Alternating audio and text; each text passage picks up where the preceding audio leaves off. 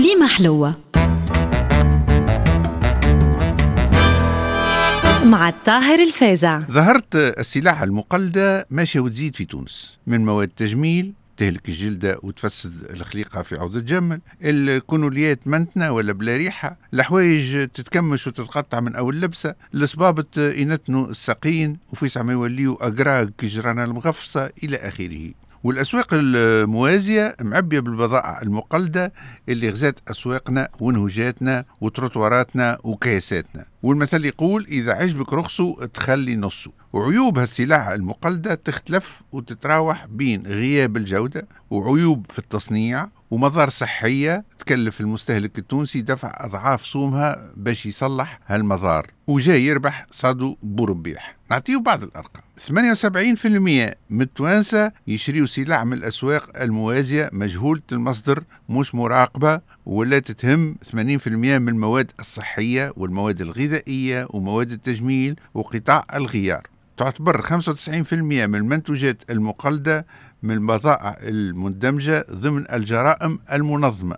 80% من المكيفات اللي تباع في تونس مقلدة. وهالسلع موردة أساسا من زبالة تركيا وبذروح الشناوة وهي مضرة بالصحة والبيئة وتمثل إهدار للعملة الصعبة. ومن بين هالمنتوجات المروجة في بلادنا ما هو ممنوع في أوروبا بسبب مخاطره الصحية لكن يتروج في تونس وجلها فيسع ما يتلف نظرا الغياب الجودة. وفيسع ما تتلوح في الزبلة بالأطنان وتلوث مكوناتها المجهولة البيئة متاعنا ومن ضمنها 400 منتوج تركي. وباش نفهموا كيفاش وصلنا لهالحالة الضنكة يلزمنا نرجعوا للستينات.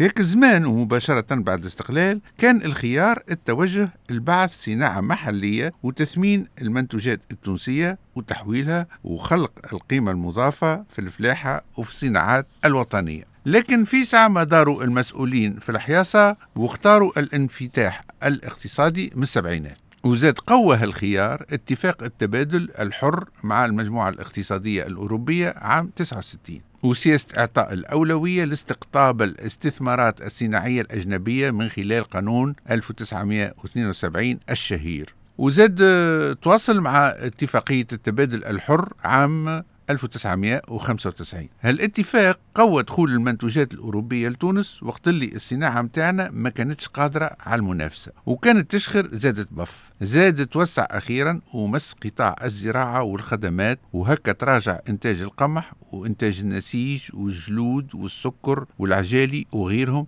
على خاطر المسؤولين اللي صححوا الاتفاقيات اللي تعزز الاقتصاد المفتوح ما أمنوش وما حسنوش السلع بجملة من القوانين والدعم اللوجستي والجبائي للمنتوج التونسي.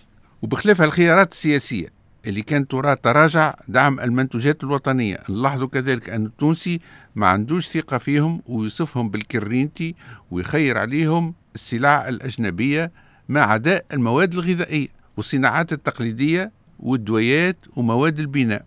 وفي المقابل عنده فكرة خايبة على الصبابط والمواد الإلكترونية والكهرومنزلية ومواد التجميل المحلية. نجيو توا المعلومة هامة لابد سمعتوا بها زمانها. هي عبارة على تحذير جانا من مديرية الصحة في الجزائر يخص تسرب أغذية للأسواق تحتوي على مواد مسرطنة مخطرة ياسر. وحسب جريدة الشروق الجزائرية فإنه جاتها معلومات تفيد أنه طبيب تونسي مختص في الأعصاب ويخدم مستشار في منظمة الصحة العالمية لوماس حذر من خطورة احتواء مواد غذائية على مواد مسرطنة تقوم بإتلاف خلايا المناعة عند الإنسان تخرب الذاكرة ويعتزموا بعض الكناطرية تسويقها في بلدان شمال إفريقيا من بينها تونس والجزائر. والطبيب هذا مدها بوثيقة فيها قائمة من هالمنتوجات وفيها عصير غلال وعصير منعش وعصير في شكل مسحوق jus d'orange ونوع متاع شيبس وبسكويت محشي biscuit fourré بكلهم فيهم مواد مسرطنة. نردوا بالنا إذا خاصة أنه هالمواد تحدث كذلك تشنجات عند الأطفال. وهكا بردقان العصير مكدس عنا في الشتاء وعنا توا ال limonade رخيصة وفرشك وصحية. لا ترسي كي ربح ذكري بيع دارك وخرج كري. كليمة حلوة.